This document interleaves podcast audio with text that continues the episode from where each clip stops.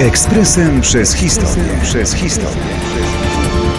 30 stycznia 1984 roku odbyła się premiera filmu muzycznego Akademia Pana Kleksa.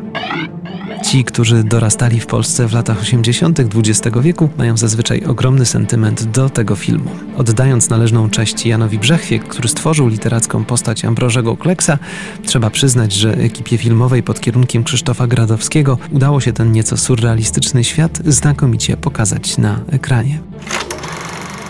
Film powstał jako koprodukcja polsko-radziecka. W tamtych latach niemal nie liczono się z kosztami, jeśli chodzi o produkcję filmów. Koszty były duże, bo przecież komputerowe poprawianie obrazu nie wchodziło wówczas w grę. Zdjęcia do filmu kręcono głównie w pałacu w Nieborowie, przy zamku w Gołuchowie, także na ulicach Piotrkowa Trybunalskiego.